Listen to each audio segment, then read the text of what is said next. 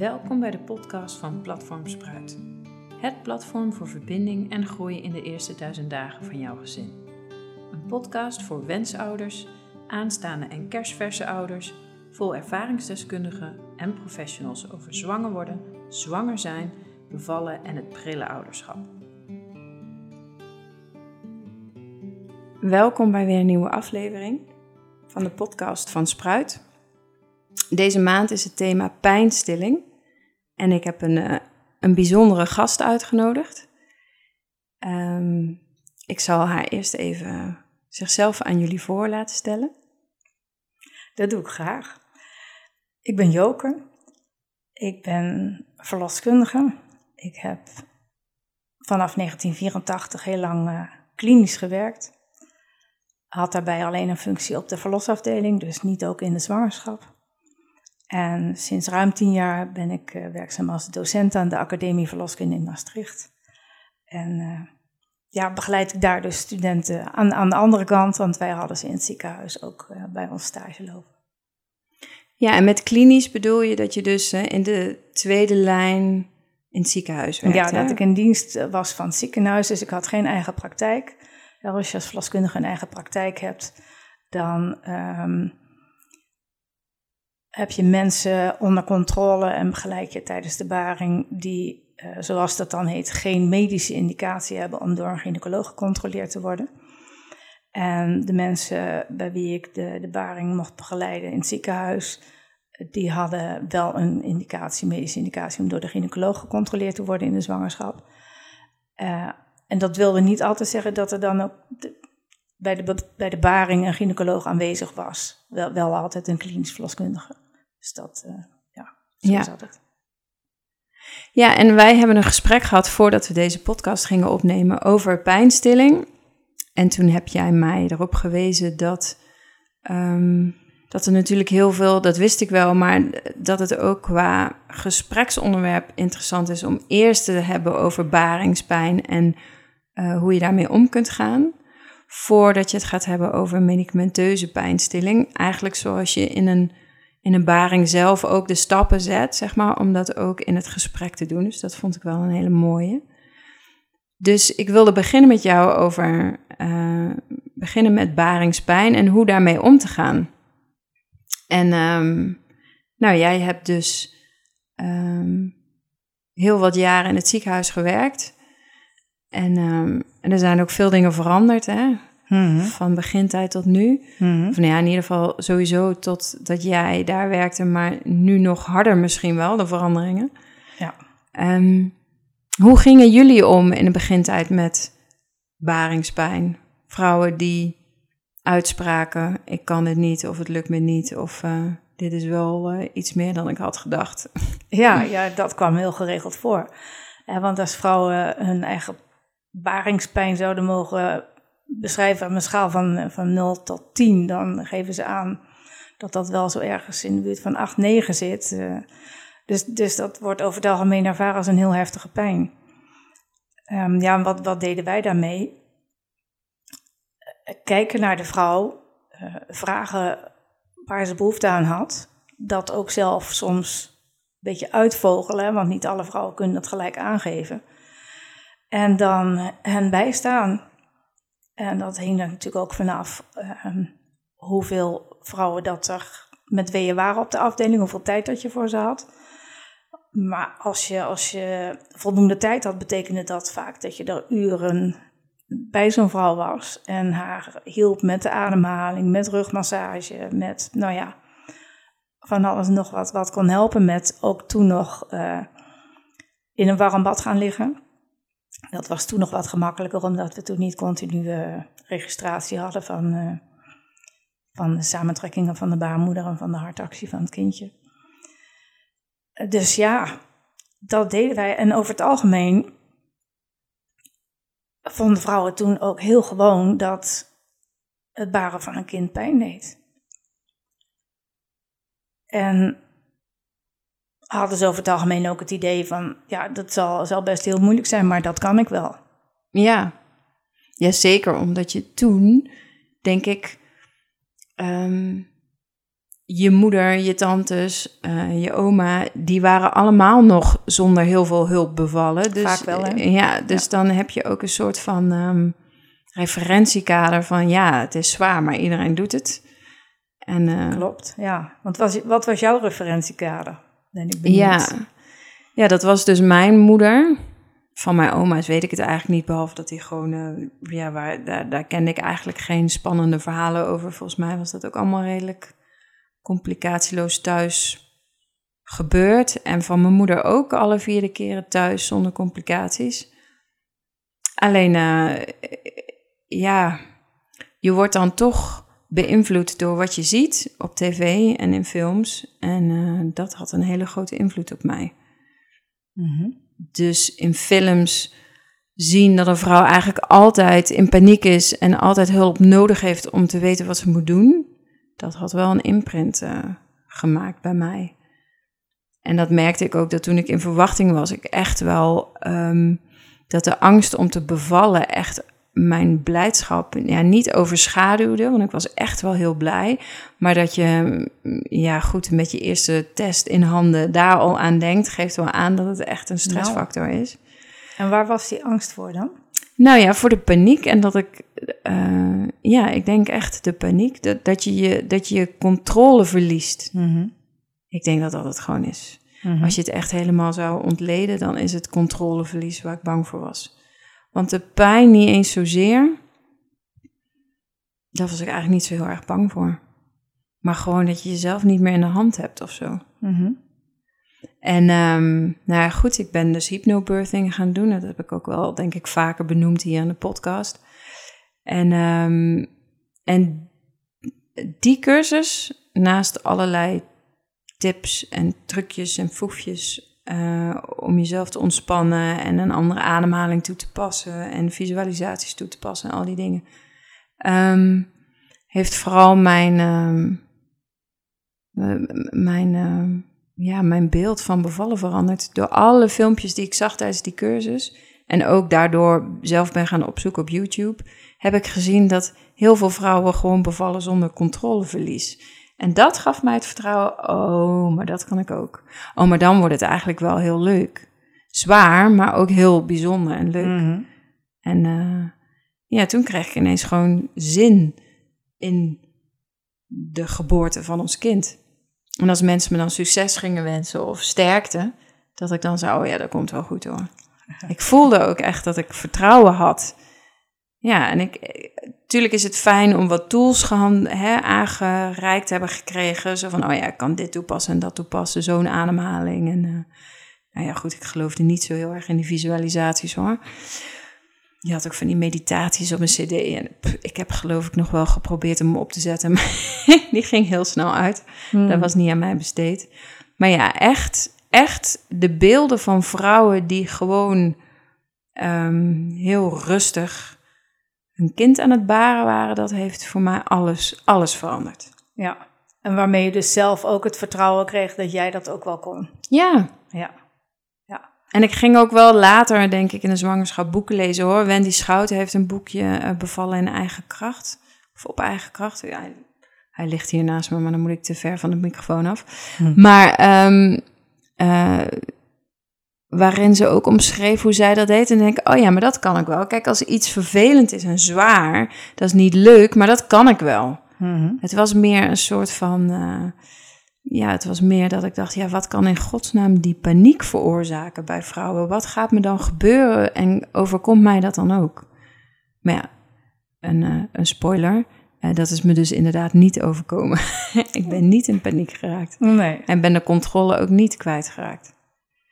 Ja, het, is, het is niet gezegd met zekerheid dat dat daardoor komt, hè, maar het is wel bekend dat uh, de overtuigingen die je hebt over hoe baringspijn zou kunnen zijn en hoe jij daar zelf op zou kunnen reageren, dat die wel van invloed kunnen zijn in ieder geval, en vaak ook zijn, op hoe je, hoe je de pijn ervaart en op hoe je het kunt doorstaan.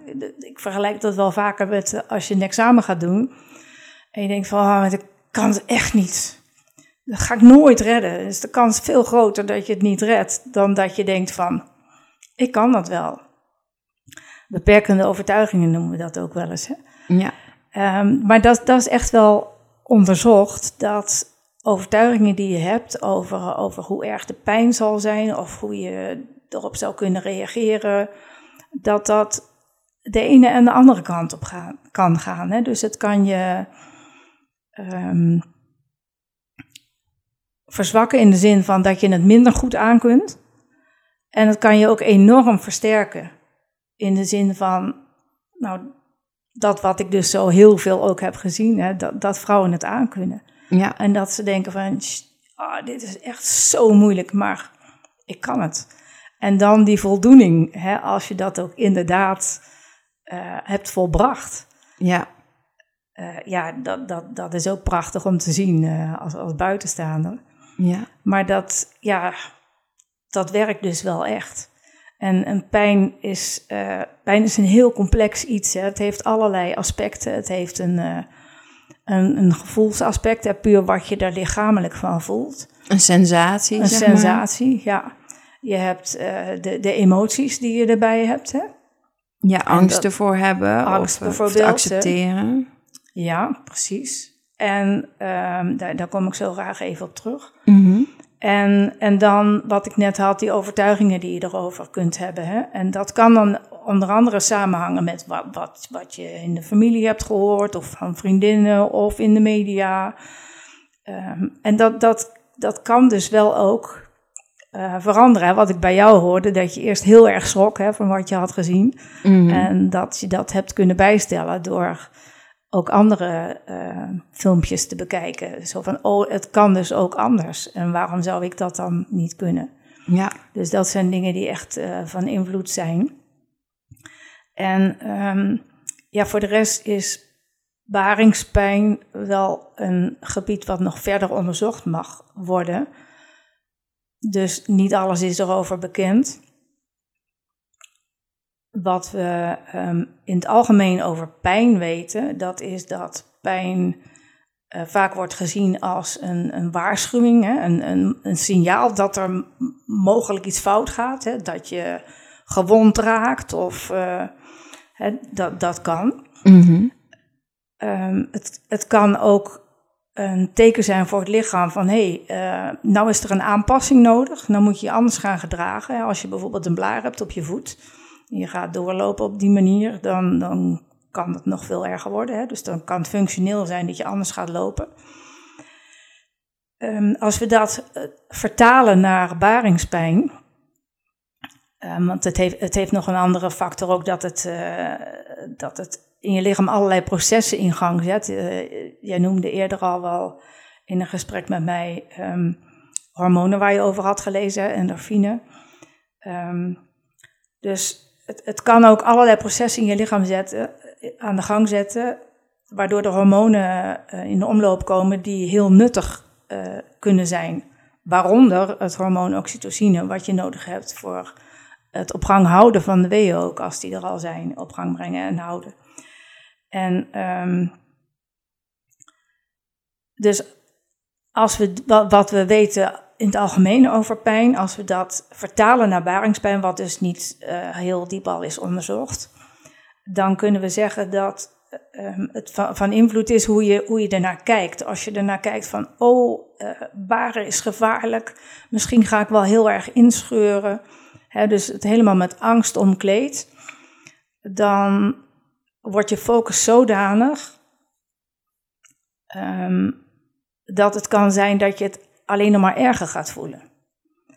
Terwijl als je het bekijkt in de zin van die pijn die hoort erbij, die zorgt ervoor dat ik nu helemaal mezelf kan richten op wat nu belangrijk is, namelijk het baren van mijn kind. En want als je die pijn niet zou hebben, zou je misschien gewoon doorgaan hè, met waar je mee bezig was. En uh, ja, dan kun je je niet echt helemaal overgeven aan, aan dat proces. Um, en als je dat wel kunt, en ik, ik heb dat ook echt heel veel gezien, als je dat wel kunt, het over je heen laten komen als, als iets wat erbij hoort, dan, dan leek het voor mij of het minder pijn deed. Ik kan het natuurlijk niet bewijzen, ja, want ik heb het zelf niet gevoeld. Ik weet ook niet hoe het zou zijn geweest als het niet zo was. Maar ik zag wel die verschillende vrouwen. Die vrouwen die helemaal bang waren. En die, die wat ik ervan zag, hoe langer hoe meer pijn kregen. En vrouwen die zich helemaal erin overgaven, die ook vaker wel voor mij wat lastiger te bereiken waren. Omdat ze gewoon helemaal in hun eigen Laborland, noem ja, Laborland, helemaal ondergedompeld waren in, in, in het proces wat er gaande was. En, en die, die leken echt minder pijn te hebben. En ja, dat is wel wat er in het algemeen uit onderzoek uh, naar voren komt. Hè. In het algemeen, als je, als je pijn ziet als, als, als iets wat, uh, wat erbij hoort of wat een functie heeft, of je bent heel erg gericht op een doel, dan kun je het hebben. Hè. Mensen. Uh, soldaten in de oorlog, die kunnen heftig verwond zijn, maar die, die moeten vluchten, want anders dan, dan overleven ze het niet. Mhm. En die komen er dan vaker later pas achter dat ze een bepaalde hele ernstige verwonding hadden. Die hadden ze helemaal niet gevoeld, want daar waren ze niet mee bezig. Want ze waren bezig met iets anders. Um, en zo kun je ook um, sporters, die, die, die ondergaan ook veel meer pijn dan je normaal gesproken zou denken dat je kunt hebben. Want die zijn bezig met dat doel. Ja, de, ik, als ik, ik heb een tijdje hard gelopen. Mhm. En als ik dan ging trainen, dan liep ik zo'n 10 kilometer. Nou, nee, zo'n 8 kilometer per uur, denk ik. 8,5, misschien 9. En als ik dan in een wedstrijd liep, dan was het altijd 10 kilometer per uur. Dus sowieso consequent iets harder dan wat ik normaal uh, rende. En ik weet dat ik de Zeven Heuvelen loop heb gerend. Um, 15 kilometer lang. En dat ik pas daarna voelde dat ik een blessure had aan mijn voet. Ja. En dat heeft echt, nou, weet ik veel hoe lang geduurd. Dus ik heb het echt flink overbelast, maar dat had ik helemaal niet door. Ik was Nee. alleen maar aan het genieten van zoveel publiek en zo'n mooie wedstrijd. En, eh, Ja. ja, of dat dan gezond was voor je lichaam, dat is even. nee, laat even in het midden inderdaad. Maar ik herken helemaal wat je zegt, dat als je met een doel bezig bent, dat je dingen gewoon vergeet. En, en wat je ook zegt over baren is natuurlijk zo, en dat is ook iets wat ik mezelf had ingeprent, dat normaal pijn een waarschuwing is dat er iets stuk is. En dat uh, je tijdens het baren is er niks stuk. Er gaat misschien tijdens de geboorte van je kind van het hoofdje scheurt er iets. Ja, over de, eh, laten we het even niet hebben over enorme rupturen, maar over het algemeen scheurt er iets. Maar ja, Oh, dat is niet niet zo erg en ook niet altijd. Nee. En voor de rest gaat er eigenlijk niks kapot. En, en ja, tegen de tijd dat dat gebeurt, dan ben je al, dan ben je toch wel zo doelgericht bezig. Dan kijk je nergens meer naar, denk ik. Want dan ben je gewoon je kind eruit aan het duwen. Maar tijdens de ontsluitingsfase, die weeën, dat is wanneer vrouwen eh, moeten omgaan met de pijn, zeg Mhm. maar. Ja. En dan weet je dat er niks stuk is en Mhm. dat het erbij hoort. Dat, dat heeft mij ook wel heel erg geholpen met er naartoe gaan met mijn aandacht en met mijn adem en het over me heen laten komen of zo en erin meebewegen. Ja, mooi. Ja, maar tegenwoordig is het van, ja, dan, dan wordt het gezien als van, ja, wat een onzin, hè? Waarom zouden we pijn hebben? Want er is toch pijnstilling? Maar ja, het, het lijkt heel onlogisch dat, eh, dat wij van nature zo geschapen zijn eh, dat het pijn doet en dat dat alleen maar iets is om ons te plagen en om neurowetenschappers eh, stof tot onderzoek te geven. En, en dat het verder helemaal nergens toe zou dienen. Nou, en de dus- christenen een stok om de vrouw mee te slaan. Ja, ja. Nee, ja, ik het- bedoel, het, is onze straf voor het feit dat wij de appel hebben geplukt. Hè? Ja, ja. nou ja, kijk. Zullen we dat even terzijde laten? Ja, graag. ja, maar dat, goed, het verhaal kwam wel voorbij toen ik opgroeide. Dus ik dacht wel, oh ja. Nou ja, goed, ik ben er al snel van afgestapt hoor. Met daarin geloven. Maar eh, ja, Gelukkig. er zijn nog steeds mensen die het geloven. Ja, ja. Ja, goed. En ik heb natuurlijk eh, in, toenemende mate heb ik dat zien gebeuren, hè, dat, dat, dat er pijnstilling werd toegediend eh, tijdens de baring. Eh, dat is echt een, een heel langzaam proces wel geweest, met op een gegeven moment ook wel een stroomversnelling, zeg ik zo eventjes uit mijn geheugen. Ehm, ik, ik zag veel in de media gebeuren, hè, wat ik net al zei, van wat een onzin, waarom zou je pijn hebben, dient toch nergens toe. Er kwam een, een landelijke richtlijn over medicamenteuze pijnbestrijding tijdens de baring. En uh, nou ja, daarin stond goed uitgelegd wat, wat er allemaal was en wat de voor- en nadelen waren. En um, daarin stond dat iedere vrouw in principe recht heeft op pijnstilling tijdens de baring. Nou zal ik de laatste zijn die ontkent dat dat zo is. Want als je dat nodig hebt, dan moet moet dat er gewoon zijn. Ik denk alleen dat het niet iets is waar je, waar je, waar je mee zou moeten beginnen. Zo van nou, als je begint met weeën, weet vooral hè, dat je ook pijnstilling kunt krijgen. Nou, ik zou zeggen, weet vooral dat we met z'n allen zo geschapen zijn dat we dat kunnen. En dat jij dat dus ook kunt. En, en daar zouden we, denk ik, als beroepsgroep en in het algemeen als uh, uh, medewerkers in de zorg die barende vrouwen begeleiden, veel eerder op moeten inzetten. Dat bespreken met de vrouw.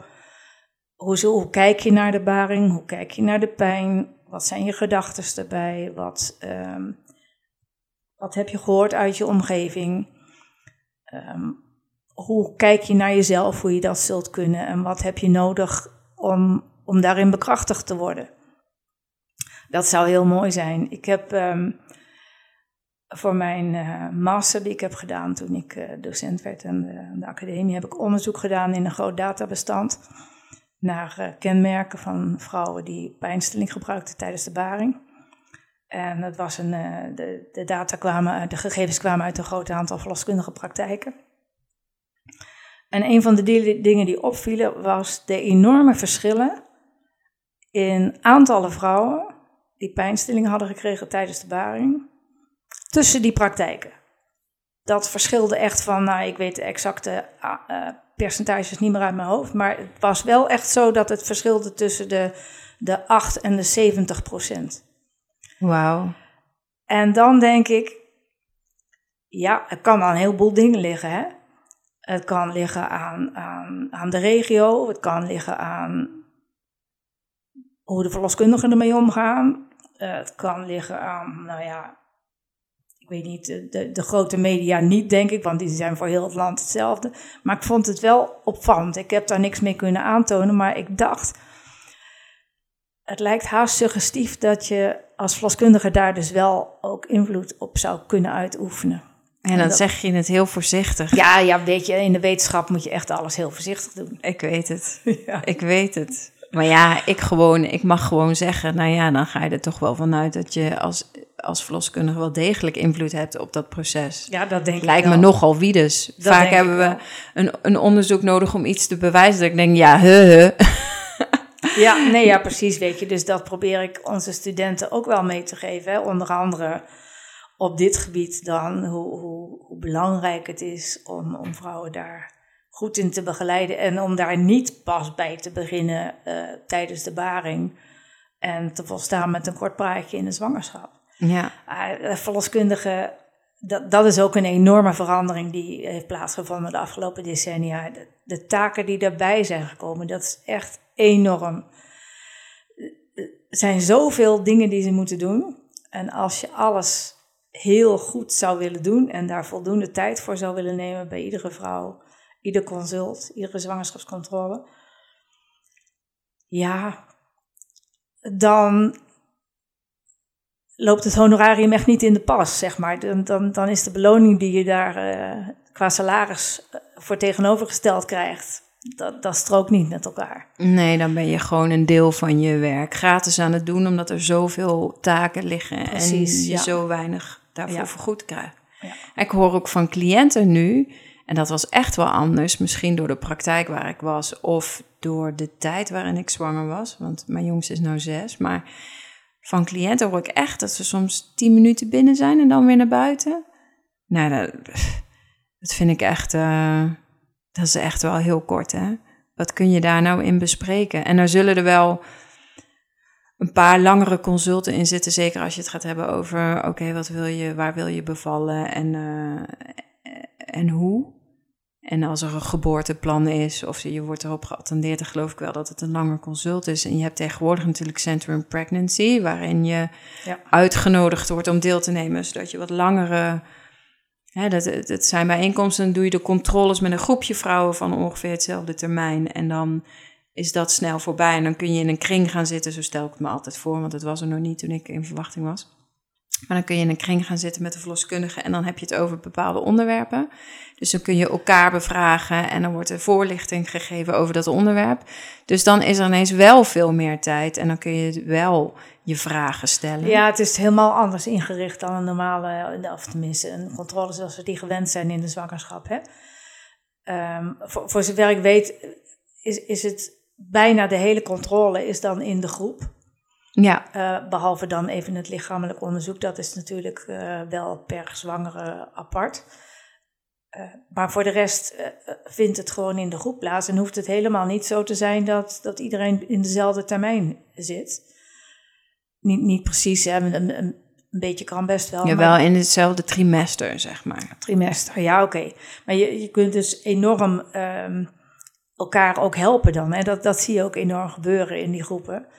Dat juist uh, vrouwen van heel verschillende achtergrond en met heel verschillende ervaringen en overtuigingen, door dat met elkaar te delen, elkaar enorm van tot steun kunnen zijn. Hè? Dus dat is, dat is een prachtig concept. En inderdaad, daarin heb je dan daardoor wat meer tijd om informatie te geven over allerlei dingen. Dus uh, ja, ik denk dat het een heel, heel heel mooie manier van uh, zwangerschapscontroles is, ja. Ja. Maar ja, en de lengte van normale, van, van reguliere zwangerschapscontroles, dat verschilt heel erg. Tien minuten, een kwartier is denk ik wat wel heel vaak voorkomt. Sommige praktijken een half uur. En ja, een uur is echt uh, op behoort tot de uitzonderingen, denk ik. Ja, ik geloof dat ik zelf vaak de uitzondering afdwong, omdat ik van allerlei vragen had en dingen mede wilde delen. En och, ik weet het niet. Ik vroeg heel veel, tijd, heel veel tijd van ze. en uh, nou goed, je had het over wetenschappen en over hoe je daarin voorzichtig moet zijn. Maar onderzoek heeft in principe wel aangetoond dat continue begeleiding de beste voorspeller is hè, van, van goede uitkomsten voor moeder en kind. Maar ook dus dat je minder, ja, dat je dus minder behoefte hebt aan pijnstilling. Ja, zeker waar. En dat wat jij ook al aan het begin omschreef, is wat deed jij als klinisch verloskundige tijdens de baring? Nou, kijken en luisteren en, en afstemmen op de vrouw wat ze nodig heeft. Maar ja, daar heb je dus tijd voor nodig. Klopt. En voor continue begeleiding heb je dus tijd nodig. Dus Klopt. Het komt heel ja, jammer hadden wij, genoeg. hadden wij ook niet altijd, hè? Nee. Want als ik, als ik nachtdienst had, um, toen der tijd, hadden we nog een, een verlosafdeling van vier verloskamers, later zes. Nou, was je als enige verloskundige met een verpleegkundige en op de acht, aan hoe noem je dat, achter de hand waren nog artsen die dienst hadden. Maar ja, dat, dan ja, was je in principe maar met z'n tweeën op de werkvloer. Dus kon je niet uh, ja, urenlang bij één iemand blijven zitten. Want je moest ook naar de andere vrouwen kijken. Dus probeerde je zo goed mogelijk je aandacht te verdelen wie, er, wie je dacht dat het het hardste nodig had. En dan, ja. ja, dat is niet wat, wat we ooit hebben bedacht ook in, in het rapport. Uh, een goed begin. Dat uh, al heel lang geleden is uh, opgesteld. Sorry. Door um, beroepsbeoefenaren in de verloskundige zorg. Waarin eigenlijk staat dat iedere zwangere recht heeft, heeft op iemand die haar uh, continu bijstaat tijdens Ja. de. Ja, en is dat nu, ja, jij werkt nu al een tijdje niet meer in het ziekenhuis, Mhm. maar als je nog contacten met collega's hier, is dat verbeterd? Ik bedoel, dat onderzoek is er gekomen en mensen weten het nu. Met je, hè, we hadden het net over dat je soms onderzoek nodig hebt om iets aan te tonen Mhm. waarvan je denkt, "Huh, dat wisten we natuurlijk met ons boerenverstand ook wel. Ehm, maar goed, soms is er een onderzoek nodig om dan ook werkelijk veranderingen door te voeren, omdat je dan kunt zeggen, kijk, het is aangetoond. Is dat, is dat aan het veranderen of is het veranderd dat er... Kijk, want ik ben zelf thuis bevallen, drie keer, en niet in het ziekenhuis. Ik ben wel één keer met een ziekenhuisbevalling meegeweest als doula. Dus ik heb één Mhm. zieke... En daar vond ik dat de...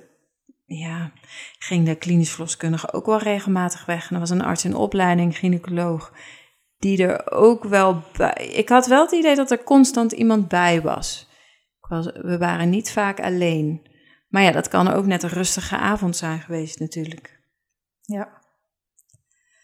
Ik, eh, met alle bezuinigingen die alleen maar steeds meer worden, ik, ik weet het niet zeker, maar lijkt het me stug dat het nu juist de andere is. kant op uh, Dat denk ik ook, want ik hoor zelfs dat er zo'n personeelstekort is dat, dat als je wilt bevallen, de mensen uit Venlo naar Boksmeer moeten uitwijken, zodat, en de mensen in Boksmeer moeten dan naar Nijmegen uitwijken. Dus dat er een, een grote, ja, dat, je, dat er allerlei mensen moeten uitwijken omdat er personeelstekort is. Dus ja, als we inderdaad heel logisch nadenken, dan geloof ik ook niet dat er meer continue begeleiding aangeboden wordt. Nee, dat, de, dat denk ik ook niet. Nee, wat jij nu beschrijft, dat, dat was in de tijd dat ik daar werkte echt heel uitzonderlijk. En wat ik nu hoor in grote steden, is dat echt helemaal ramp. Ja. Daar zijn natuurlijk vaak meerdere ziekenhuizen. En als een verloskundige daar um, iemand heeft die graag polyklinisch haar kind wil krijgen, dan moet ze vaak als het ware leuren en bellen of, of er ergens plek is. Ja. Ja, maar goed, daar zitten we hier nu niet. Nee, maar ik, het bruggetje wel is, nou kijk, als je dus weinig continue begeleiding hebt, Mhm. een vervanging daarvan is inderdaad wat je net ook al noemde, die continue monitoring van het kind en van de activiteit van de baarmoeder, oftewel een CTG met plakketjes op je buik. Nou, er is geen vervanging daarvan. Nee, is het niet zo dat het dan makkelijker is als je je, je aandacht moet verdelen over weet ik veel hoeveel verloskamers en je hebt een kamer waarin de monitors staan van alle CTG'en, dat het dan makkelijker is om een vinger aan de Ja, het pols is te zeker houden? makkelijker. Het is zeker makkelijker. Maar ehm, kijk, als je. Wat wij. Toen ik begon met werken, eh, maakten we zo'n registratie. Als iemand binnenkwam en dan geregeld nog wel eens een keer, hè, een half uur of een uur. En tussendoor luister je geregeld met die doptoon, hè, met dat kleine Ja. apparaatje waar je dan tijdens de zwangerschapscontrole ook naar het hartje luistert. En dan luisterde ik vaak eh, een aantal weeën voor, tijdens en na de wee. En dan had ik een, een goed beeld van hoe het met het kindje was en dat schreef ik op. En tegenwoordig ehm, ja, wil men dat vastgelegd hebben. Men wil gewoon continu weten hoe, hoe het kind het doet. Dus ehm, ja, als je, je hebt gelijk dat het, ehm, het, is, het is ook onderzocht. Je kunt even goed een kind monitoren als je het doet zonder het CTG-apparaat, dus met, met de doptoon.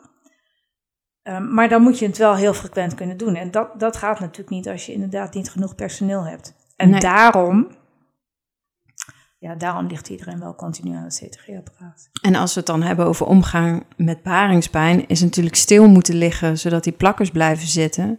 En in een bed aan zo'n monitor is natuurlijk alles behalve bevorderlijk om om te gaan met die baringspijn. Ja, ja stil moeten liggen, eh, dat geldt niet altijd.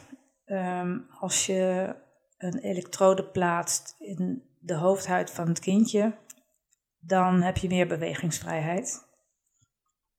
Maar dan, ja, dan draai je dus wel een elektrode in het hoofdhuidje van het kindje. Dat, dat gebeurt heel vaak, maar dan heb je meer Ja, bewegingsvrijheid. ja dat is iets waar veel eh, moeders achteraf een beetje van schrikken. Hè? Wat het nou in wezen. want ik ben nou. Ik weet het altijd zo te zeggen, maar hoe heet het ook alweer? Een. eh, want het wordt vaak uitgelegd als een plakkertje op het hoofdje van het kind. Ja. Maar het is een draadje. Ja, het is een Het zijn- draadje. Het En zijn dat twee wordt- ijzerdraadjes. ja, precies. En dat wordt er ingedraaid in de huid, zodat het vast blijft zitten. Ja.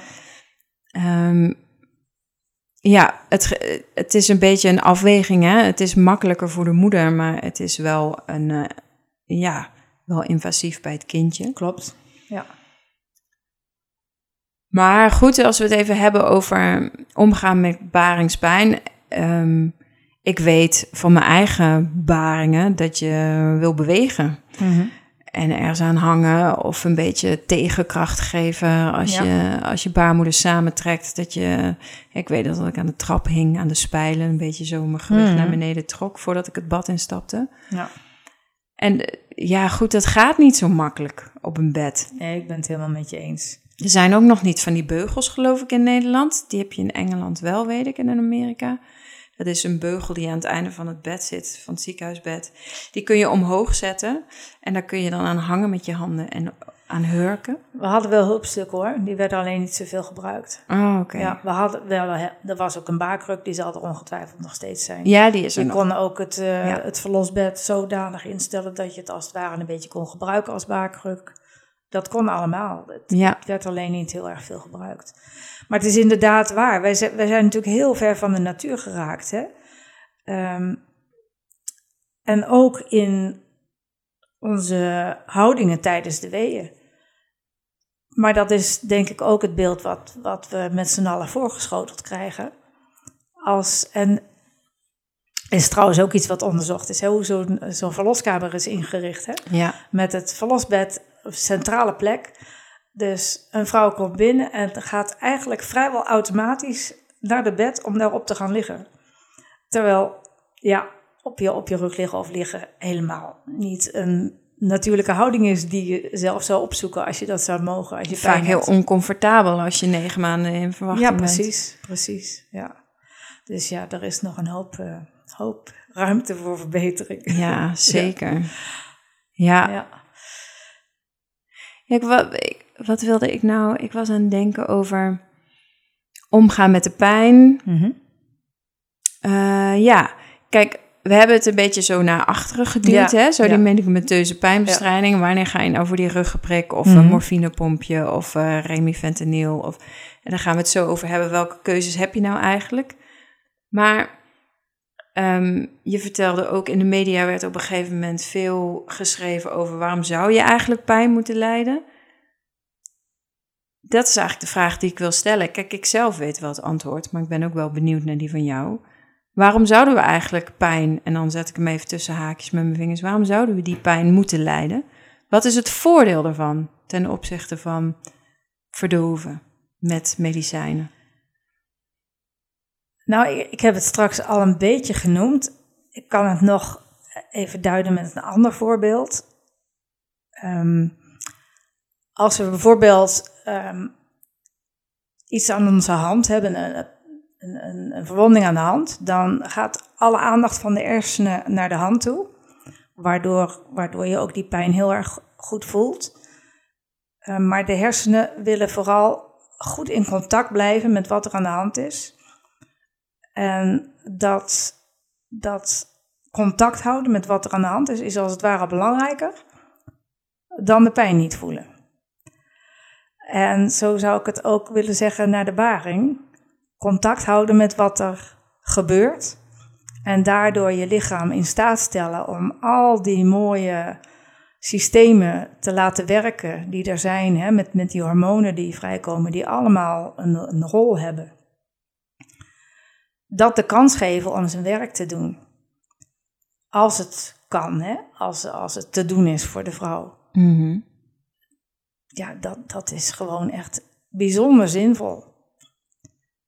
Dus daarom zou ik zeggen, laten we de pijn toestaan. En ik, ik heb natuurlijk ook echt de vrouwen gezien die heel lang niet geslapen hadden, die niks meer konden hebben, die zoveel pijn hadden of die zo angstig waren en niet te helpen waren op dat moment, waarbij ik dacht, wat is het fijn dat we pijnstilling hebben. En dat ik ze daar dan mee kon helpen. Ja. ja. dat geloof ik ook. Het is ook niet zo dat we hier pretenderen dat het nooit zinvol is. Nee. Het is alleen wel, denk ik, goed om, om te delen wat de voordelen zijn van het niet nodig hoeven hebben. Ja. Ja. Zeker in deze tijd. Ja, Ja. ja kijk, want ik, ik weet dat ik een keer een verloskundige sprak op een feestje. En zij schetste een scenario wat ik helemaal voor me zag. Ze zei, dan, dan liep ik zo'n verloskamer in en een vrouw die had een rugprik. En die was een tijdschrift aan het lezen. En ik vroeg aan die vrouw, zei ze, ik vroeg aan die vrouw hoe het met haar ging. En ze zei, super. En eh, nou ja, ik weet niet, en ik heb even geslapen en bla bla. En het ging helemaal niet meer Nee. over dat kind. Dat kind is niet, eh, dat kind heeft geen pijnstilling. Hè? Dat is hard aan het werk en gaat een heel proces door. Ja. En, en, en er was gewoon geen verbinding meer met het proces van dat kindje. Ja. En, Precies. en, en wat zij daar gewoon vooral erg aan vond, was ja, dat het gewoon niet meer, het strookte niet meer met elkaar. Wat er aan het gebeuren was in het lichaam van die vrouw en waar ze met haar hoofd bij was. Dat is heel mooi wat je schetst. Ja, Ja. Dus helemaal het contact met wat er gaande is, verloren. Ja, Ja, en dat heeft, dat heeft ook echt wel ehm, invloed op het proces. dat zie je ook wel vaker uh, gebeuren. Als we het even hebben over, um, nou ja, we moeten toch een keer richting, richting de pijnstillingen. Ja. Want ik, ik heb gelijk de associatie namelijk. Um, dat ik net zei, die oxytocine, hè, die dan goed de kans krijgt om uh, aangemaakt te worden in het lichaam. Wat, wat je heel vaak ziet gebeuren bij een vrouw die ruggenprik krijgt, bij de epiduraal, mm dat is dat, dat de weeën afzwakken. En okay, dus het dus... remt eigenlijk de aanmaak van die oxytocine. Misschien niet altijd, maar ja, hoe, hoe het precies werkt, uh, dat, dat kan ik je hier niet, nu niet uitleggen. Nee. Maar het, het kwam geregeld voor dat we dan dus synthetisch, dus de fabrieksmatig gemaakte oxytocine, uh, moesten gaan toedienen om die weeën weer uh, voldoende te krijgen. Ja. Ja, goed. En die, maar dat is dan eigenlijk weer een heel nieuw onderwerp. Maar goed, die verstoren dus, die, die zorgen ervoor dat je het zelf niet meer aanmaakt. Maar die eigen oxytocine is ook nodig om te hechten aan je kindje en voor je kindje. En... Eigen oxytocine werkt totaal anders dan uh, synthetische oxytocine, is heel ja. waar. Ja. Ik, ik weet niet of daar onderzoek naar is gedaan wetenschappelijk, maar ik weet wel dat er gezegd wordt, er wordt gepretendeerd dat als je, ik denk door homeopaten, dat als je de synthetische variant hebt gehad, dat je daar ook echt uh, last van kunt krijgen in de vorm van een postpartum depressie of voor je kindje. En dat kun je dan laten ontstoren. En ik weet ook helemaal niet hoe dat werkt, maar er zijn in ieder geval genoeg mensen die zich zorgen maken over hoe verstrekkend de invloed is van die synthetische oxytocine. Ja, en, en dat is het hele ding. Het, het, dat is bij pijnstilling zo en dat is bij een inleiding zo, bij beide. Het een werkt vaak het ander in de hand. Ja. En dat is iets wat je vooraf moet weten als je ervoor kiest. En dat is natuurlijk helemaal niet handig om te bespreken op het moment dat je de pijn te overweldigend vindt. Nee, nee, nee. nee. Maar echt iets wat je vooraf. Ja. Uh, wat handig is om vooraf te doen, om over na te denken. Waar ga ik voor? Waar kies ik voor? Ja. Als ik het niet aan zou kunnen. Ja. En weet dan en dat het past allemaal, natuurlijk ook eh, helemaal binnen de, de informed consent die we tegenwoordig hebben. Hè? Dus dat is dat, dat iedereen, waar dan ook over in de medische wereld, een goed geïnformeerde keuze moet kunnen maken. Dus dat je informatie krijgt over de voor's en tegens. En dat je op basis daarvan, eventueel met hulp van de professional, je eigen keuze kunt maken. En dat geldt ja, ten aanzien van allerlei soorten beslissingen die, die tijdens de baring genomen moeten worden. Ja. Nog even over die oxytocine. Uh, niet dat we nu iedereen angst aanjagen voor synthetische oxytocine. Uh, het is wel zo dat er echt aanwijzingen zijn dat het um, mogelijk niet geheel onschuldig is om dat toe te dienen. En dat het mogelijk allerlei uh, consequenties heeft op gebieden die we helemaal niet zouden kunnen bedenken. Um, dat, dat is heel vaag. Ik kan het ook niet concreter maken dan dit. Maar dat heeft wel uh, ervoor gezorgd dat ik, ik zelf ben gaan denken van... jee, moeten we toch niet zo als heel vanzelfsprekend uh, blijven zien... dat we maar iedereen bijvoorbeeld na de geboorte van het kind een spuitje oxytocine geven... zodat die baarmoeder zich goed samentrekt voor de geboorte van de nageboorte. Dat moeten we toch niet zoals heel vanzelfsprekend zien, omdat het mogelijk wel consequenties kan hebben. Is voor farmaceuten natuurlijk helemaal niet interessant om dat te onderzoeken. dus daar zal niet alle geld op worden ingestoken, vrees ik. Maar ik zou het wel heel interessant vinden. Ja, ik vind het ook wel interessant. Ik heb ooit gelezen dat Michel Audin, een uh, gynaecoloog in Frankrijk, bezig was met een onderzoek naar wat voor maatschappelijke gevolgen het heeft als er heel veel mensen worden geboren met behulp van synthetische oxytocine. Omdat het het hechtingshormoon is en ook stressregulatiehormoon. Dus hè, krijgen we dan straks een maatschappij met mensen die minder goed met stress om kunnen gaan of minder goed gehecht zijn aan hun ouders met alle sociale gevolgen van dien. En ik weet niet in hoeverre dat ja, onderzoek misschien, misschien is dat nu al, hè? Ja, ja, sowieso in de maatschappij. Ja, in de maatschappij. Dat ik weet niet hoe ver hij in dat onderzoek is, daar heb ik niet meer naar gekeken. Maar het heeft mij in ieder geval wel een beetje wakker gemaakt. En oeh, ja, we kunnen vaak. Kijk, dit is iets. We hebben het nu over de geboortezorg, maar dit is op alles toepasbaar. Wij denken een, een fout of een. Uh, ja, wat is het? Een, een, in, um, een onvolkomenheid te zien in de natuur. En die is er natuurlijk ook. Hè? Niet alles is perfect. En dan denken we daar een oplossing voor te hebben gevonden, waardoor we de boel verbeteren en versoepelen en vermakkelijken.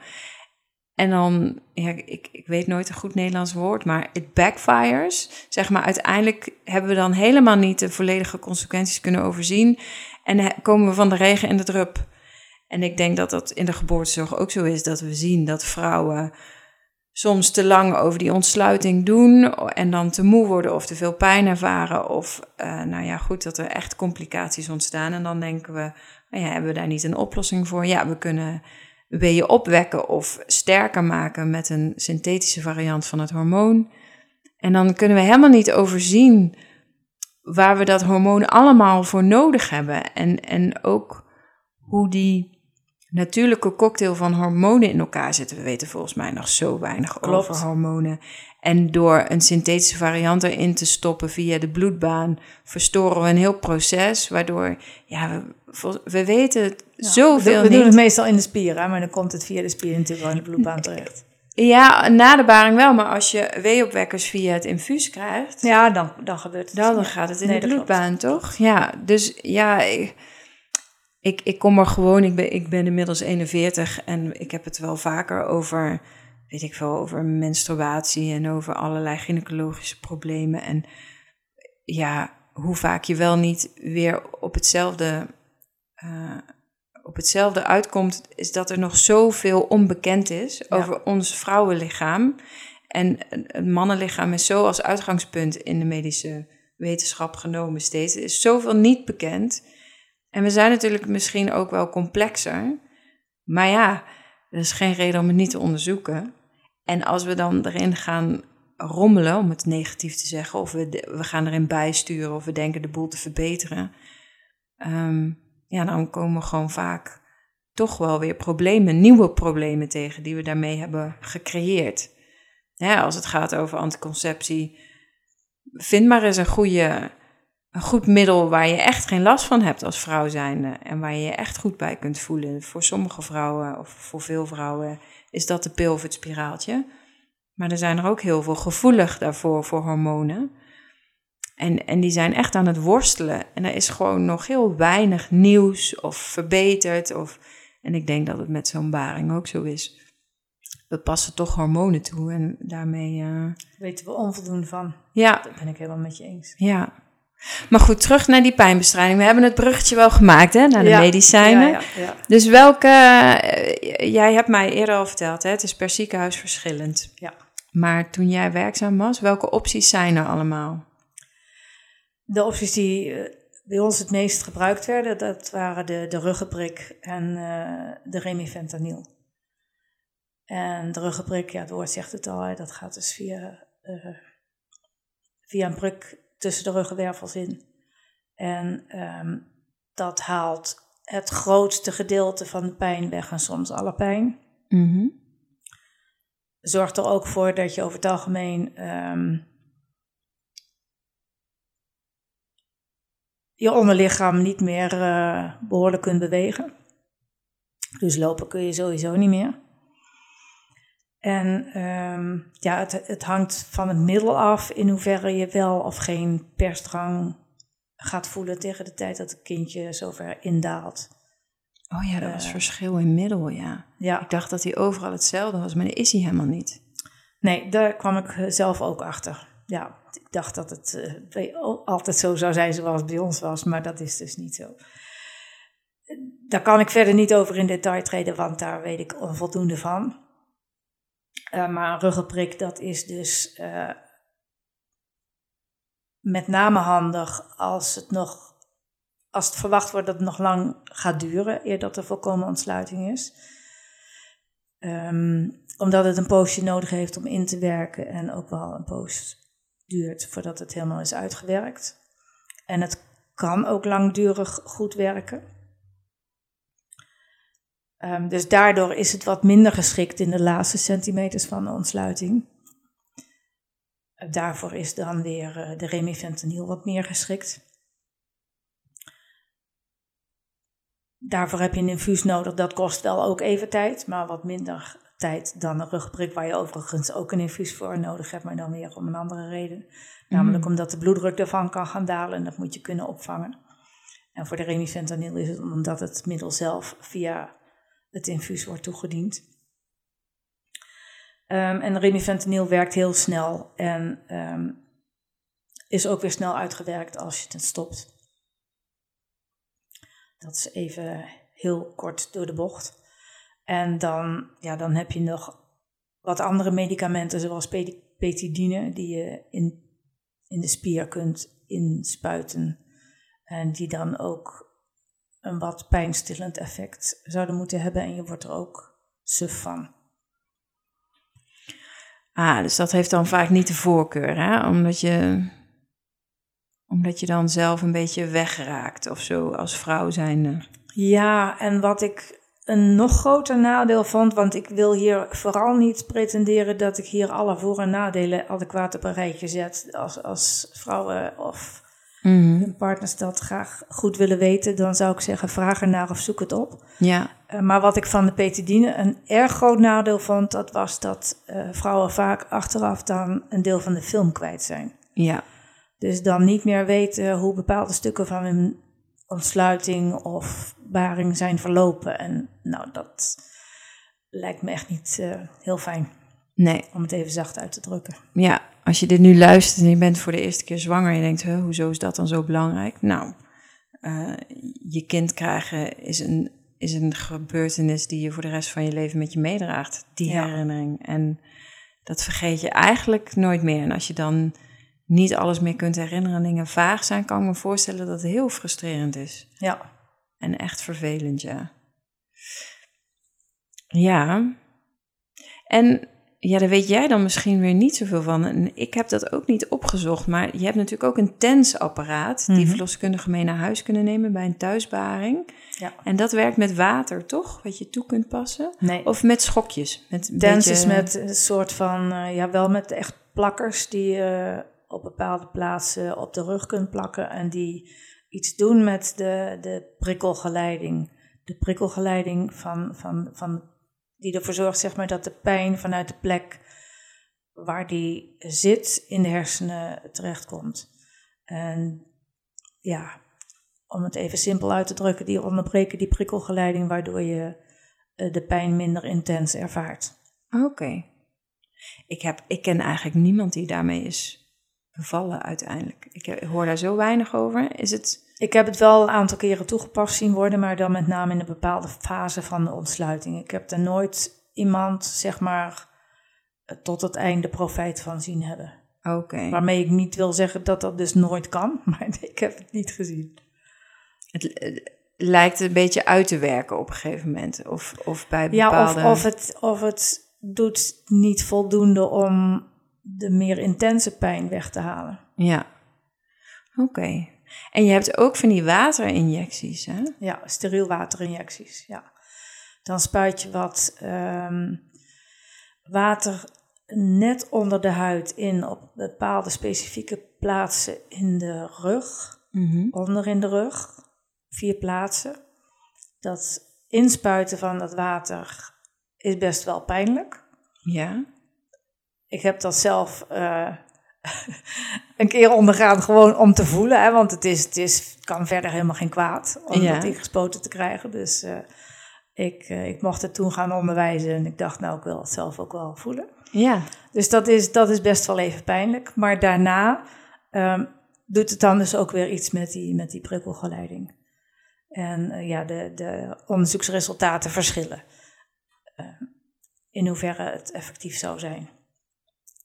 En, en, werkt het lang of moet je dan steeds opnieuw die injecties krijgen? Ja, er, het kan wel zijn dat er herhaling nodig is, ja. Oké. Okay. Ja. Maar niet, niet heel frequent, sorry, dat ben ik even kwijt hoe vaak dat dan nee, ja. zijn. Ja. Maar dat zijn eigenlijk een beetje, ja, nou, experimenteel wil ik het niet noemen, maar dat zijn een beetje nieuwe vormen van pijnstilling waar, waar eigenlijk nog niet zo heel veel ja, er is mee gewerkt Er is wordt. wel onderzoek echt naar gedaan. Mm -hmm. um, naar aanleiding daarvan uh, leek het erop dat het in Nederland best wel op behoorlijke schaal zou worden ingevoerd. Vandaar dat wij het ook tijdelijk hebben onderwezen aan onze studenten. Ja. En dat ik die training ook heb gegeven. En het is er op de een of andere manier uh, niet doorgekomen, omdat. Nou, hou me te goede hoor. Dat de gynaecologen vonden dat er onvoldoende bewijs was. Ik weet het niet meer exact. Oké. Ja, wat er wel door is gekomen, dat is de lachgas. Hè? Lachgas kan wel in de eerste lijn, maar wel in de, in de klinische setting uh, worden toegediend. Dus daarvoor moet je wel op de, op de verlosafdeling zijn met bepaalde randvoorwaarden. Ja, dus wel in het ziekenhuis, maar met je eigen verloskundige. Ja, de open verloskamer dan. Ja. En heb je, daar, heb je daarmee gewerkt? Heb je gezien wat daar de effecten van zijn? Nee, met lachgas heb ik niet meer gewerkt. Dat is eigenlijk iets nieuws dus? Um, ja, maar ik ben even aan het denken of het dan nieuwer is of minder nieuw dan die sterielwaterinjecties. Want die zijn natuurlijk allebei na de tijd dat ik uh, ja. ben gestopt in het, uh, het ziekenhuis. Is relatief nieuw, ja. Ja. ja, lachgas zelf natuurlijk niet. Dat werd al veel langer gebruikt. Mm. Ja, maar voor deze indicatie. Ja. Als we het dan toch hebben over indicatie, die remifentanil, dat had ik er nog niet bij gezegd. Uh, remifentanil, uh, toegepast als pijnstillend middel tijdens de baring, is daarvoor niet officieel geregistreerd. Ieder geneesmiddel is geregistreerd om toe te dienen om een bepaalde reden. Ja. Zoals paracetamol hè, is geregistreerd ter pijnstilling van allerlei soorten pijn. Zo is remifentanil uh, geregistreerd voor uh, bepaalde indicatie. En daar zit pijn, uh, pijnstilling tijdens de baring niet bij. Dus als het wordt toegediend, dan is het zo, zoals dat heet off-label gebruik. Maar als dat onder bepaalde voorwaarden wordt gedaan, dan is dat akkoord en dat geldt ook voor de remifentanil. Dat is met heel veel medicijnen zo hoor. Als het voor een farmaceut niet interessant is om, om dit gebied te onderzoeken, nou ja, dan uh, wordt het er niet officieel voor geregistreerd. Tja, toch bijzonder hoe dat werkt. Ja, ja. Oh. Ja, dat, we zijn toch een beetje overgeleverd aan een soort verdien... Nou, soort, aan een verdienmodel. Big Pharma. Ja, dat is gewoon zo. Hmm. En, um, en wat zijn de nadelen van een rugprik? We, we hadden het over verbinding kwijtraken hè, met het kindje. Dus dat je niet meer echt verbonden bent met het proces. Ja, of je niet meer verbonden bent met het kindje, dat weet ik niet. Hè. Maar uh, nee, precies, je, je, bent, je aandacht is afgeleid van ja. waar, waar je in feite mee bezig bent. Hè. Want je ja. voelt die pijn niet meer. Dus inderdaad, vrouwen gaan vaak uh, dan maar wat liggen lezen. Uh, of slapen. Ze, of slapen. Ze zijn helemaal niet meer bezig met, tenminste niet meer echt bezig met waar ze mee bezig waren. Dus dat is inderdaad wat, wat, wat ik zie gebeuren. Um, wat er geregeld voorkwam was dus dat de weeën afnamen. Wat ook geregeld voorkomt, is dat vrouwen een verhoging krijgen van de temperatuur. En daarbij weet je dan niet zeker of dat komt omdat er een infectie is ontstaan, of dat dat komt door toedienen van de medicatie epiduraal, hè, via de ruggenprik. En um, omdat je dan dus een voorbeeld zijn dat er een eventuele infectie zich alsmaar verder uitbreidt, um, wordt er vaak antibiotica toegediend. En nou ja, het geheel maakt dan ook weer. Ik neem even een slokje water, excuus. Het geheel maakt dan ook weer um, dat er dan een reden is om het kindje na de geboorte te observeren om te kijken of er geen infectie is ontstaan.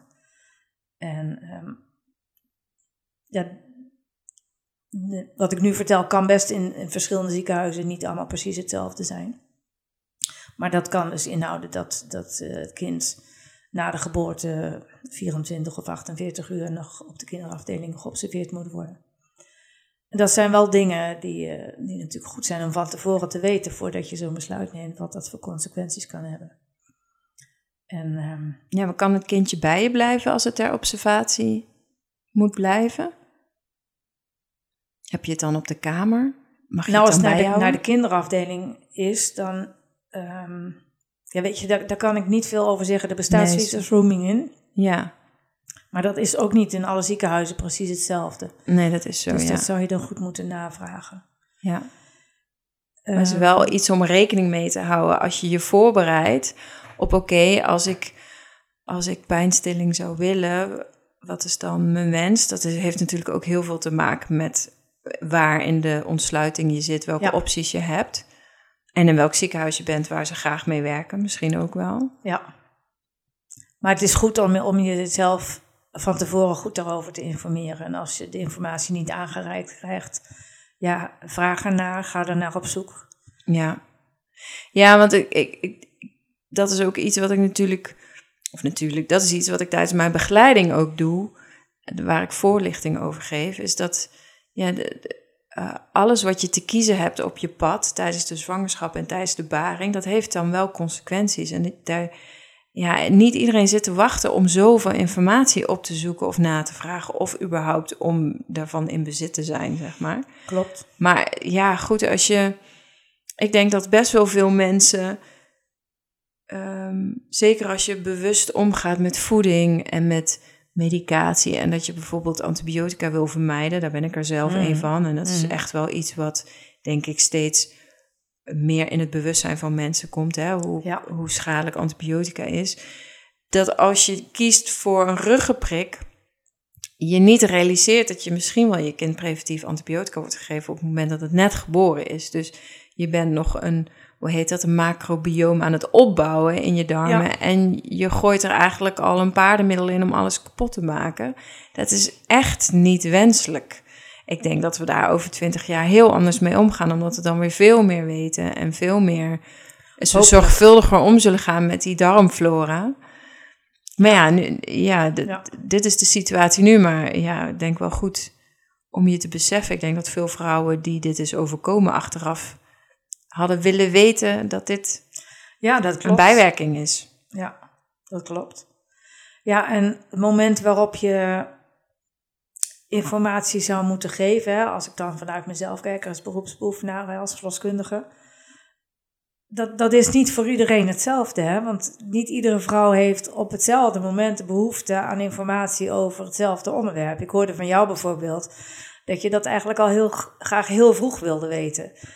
Ehm, maar als je dat standaard aan alle vrouwen zeg maar, zou aanbieden bij de eerste tot de tweede controle, dan is denk ik het gros van de vrouwen daar helemaal nog niet mee bezig. En als je informatie aanbiedt op het verkeerde moment, ja, dan landt het niet, dan beklijft het niet en dan, dan heb je er nog niks aan. Dus dat is best wel een uitdaging. Hoe doe je dat op maat, zeg maar, hè? dat je dat echt afstemt op degene die tegenover je zit? Hoe, hoe maak je toch bekend van, goh, mocht je, geef het aan op het moment dat je, dat je daarmee bezig gaat, Ja, dan ja. En als dat niet tegen je wordt gezegd, eh, nou dan, dan geef het zelf aan, zou ik zeggen. Hè? Geef zelf aan aan je, aan je verloskundige of je gynaecoloog op een bepaald moment in de zwangerschap van ik zou nu graag hier wat over willen weten. Hoe doen we dat? ja. Ja, dat vind ik een mooi advies. Wees je er gewoon van bewust. Ja, voel bij jezelf, oké, wanneer ben ik eraan toe om daarover na te denken? Wanneer wil ik daar dingen over weten? Ja. Want je hebt gelijk, ik wilde dat heel vroeg weten, omdat het anders mijn plezier overschaduwde. Maar er zijn natuurlijk heel veel vrouwen die zoiets hebben van, nou ja, dat kan ik ook en dat overkomt me wel. wel. En dat zie ik dan inderdaad wel. En dan tegen de tijd dat hun buik steeds groter en zwaarder wordt, dat ze denken, oeh, nou komt het wel dichterbij. Misschien, misschien moet ik ergens over na gaan denken. Oh jee, help, het is toch wel erg allemaal. Ja. Ja, precies. Ja, maar geef dat inderdaad aan. En laat niet... Ja, weet je, zo'n zo'n zo'n ehm, traject bij de verloskundige is ook maar een gemiddelde.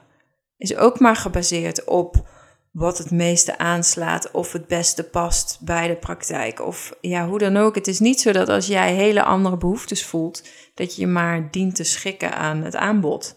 Je mag ook best inderdaad aangeven, hey, ik voel hier nu behoefte aan. Kunnen we het daarover hebben? Of Ja. mag ik daar wat over weten? Of Mag je zeker aangeven, ja. Ja, Ja, in caseload verloskundige praktijken zal er meer ruimte voor zijn. Een caseload is eh, een verloskundige die eh, heel weinig eh, zwangere vrouwen begeleidt en daar enorm veel tijd in investeert.